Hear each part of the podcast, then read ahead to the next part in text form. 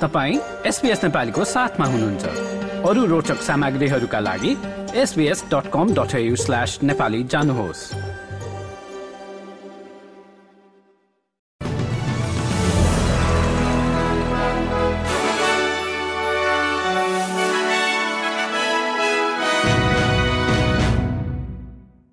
संघीय सरकारले जोइस समुदाय संलग्न भएको घटनापछि डक्सिङको अभ्यासलाई अपराधीकरण गर्ने योजनालाई तीव्रता दिइरहेको बताएको छ। डक्सिङ एक प्रकारको साइबर बुलिङ हो जसमा एक व्यक्तिको पहिचान निजी जानकारी वा व्यक्तिगत विवरणहरू तिनीहरूको सहमति बिना नै जाना जानी अनलाइनमा राखिन्छ। जोइस पृष्ठभूमिका संयौं सार्वजनिक व्यक्तित्वहरू जो एक प्राइभेट वाट्सएप समूहका सदस्य थिए उनीहरूको नाम फोटो र सोशल मिडिया अकाउन्टहरू कथित रूपमा प्यालेस्टिनी समर्थक कार्यकर्ताहरूले अनलाइनमा प्रकाशित गरेको बताइएको छ। महान्यायाधिवक्ता मार्क ड्रेफिसले उनी डक्सिङलाई सम्बोधन गर्ने र घृणायुक्त भाषणबाट सुरक्षा दिने किसिमका कानूनी व्यवस्थाहरूको खोजीमा रहेको बताएका छन्।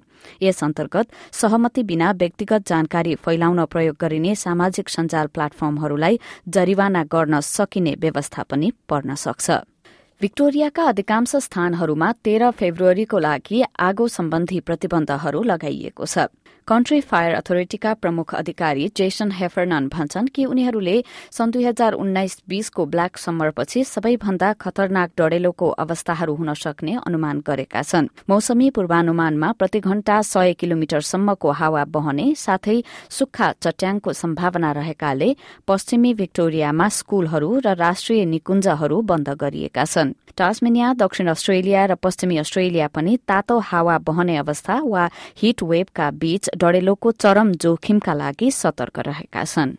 गत हप्ता बार्नवी जोयस क्यानबराको फुटपाथमा सुतिरहेको अवस्थामा एक भिडियोमा देखिएको सम्बन्धमा जोयसले यसबारे पूरा विवरण दिन आवश्यक रहेको प्रधानमन्त्रीले बताएका छन्।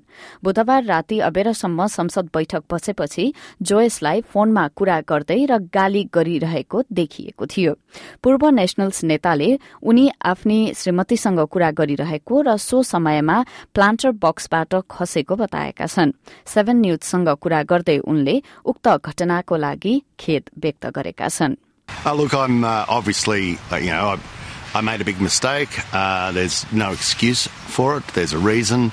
And, um, you know, it's a, a very eventful walk home, wasn't it? So, anyway, that's, uh, um, you know, I should have followed the. I, I'm on a prescription uh, drug, and they say certain things may happen to you if you drink, and they were absolutely 100% right. They did. Casual कामदारहरू ride share चालकहरू र कार्यालय समय पश्चात पनि कामको झन्झट लिनुपर्ने कामदारहरू industrial relations लजमा आएका परिवर्तनबाट सबैभन्दा धेरै फाइदामा परेका छन्। अल्बनिजी सरकारको क्लोजिङ द लुपहोल्स बिल सेनेटमा फेब्रुअरी आठमा उन्तिसका विरूद्ध बत्तीस मतले पारित भएको छ। यद्यपि यो संशोधनका लागि प्रतिनिधि सभामा भने मतदान हुन बाँकी छ। व्यापार समूह र गठबन्धनले क्याजुअल रोजगारीलाई पुनः परिभाषित गर्ने र गिग कामदारहरूको लागि न्यूनतम मापदण्डहरू प्रस्तुत गर्ने उक्त सुधारको आलोचना गरेका छन्।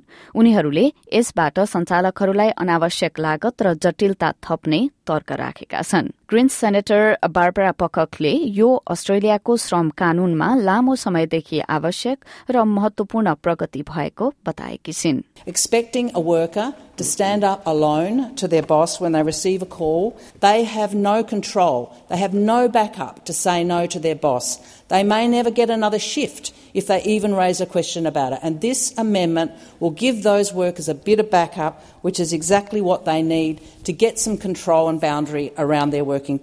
यस हप्ता ग्रीसको संसदमा समलिङ्गी विवाह विधेयकमाथि मतदान हुन गइरहँदा विधेयकको विरोधमा पन्ध्र सय भन्दा बढ़ी प्रदर्शनकारीहरू मध्य एथेन्समा जम्मा भएका छन्। विधेयकले परम्परागत परिवारका लागि खतरा सिर्जना गर्ने तर्क गर्दै धार्मिक समूहहरूले उक्त र्यालीको आयोजना गरेका हुन्।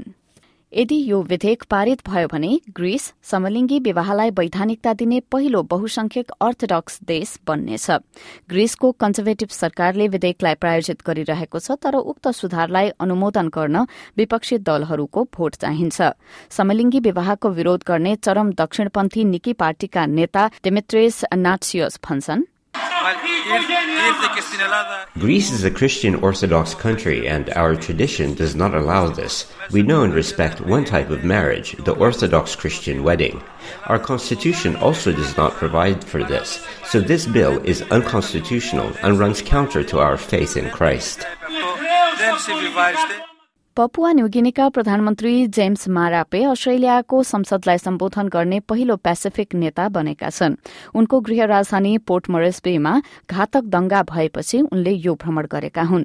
संसदमा आफ्नो भाषणमा मारापेले भने कि सन् उन्नाइस सय पचहत्तरमा अस्ट्रेलियाबाट स्वतन्त्रता प्राप्त भएदेखि पीएनजीमा प्रजातन्त्र आवश्यक रहेको छ। साथै उनले अस्ट्रेलियाले आफ्नो नजिकको छिमेकीलाई सहयोग गरिरहने विश्वास व्यक्त गरेका छन्।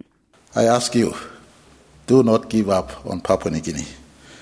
We have always bounced back from our low moments, and we will continue to grow, learning from every low moments and every high moments. We learn from past experiences.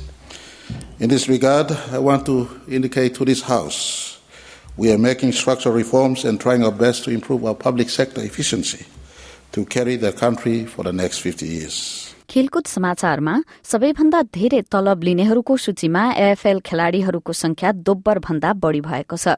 हालसम्मकै धेरै उन्नाइस जनाले गएको सिजनमा दस लाख डलर वा त्योभन्दा बढ़ी कमाएको रेकर्ड बनेको छ।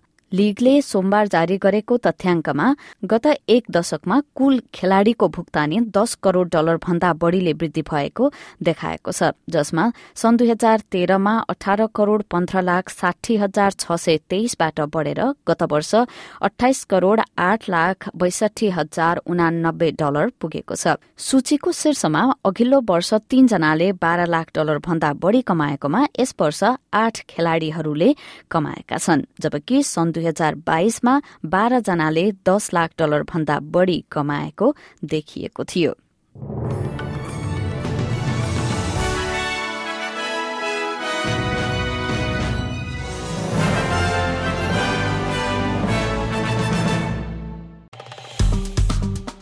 लाइक र कमेन्ट गर्नुहोस्। एसपिएस नेपालीलाई फेसबुकमा साथ दिनुहोस्।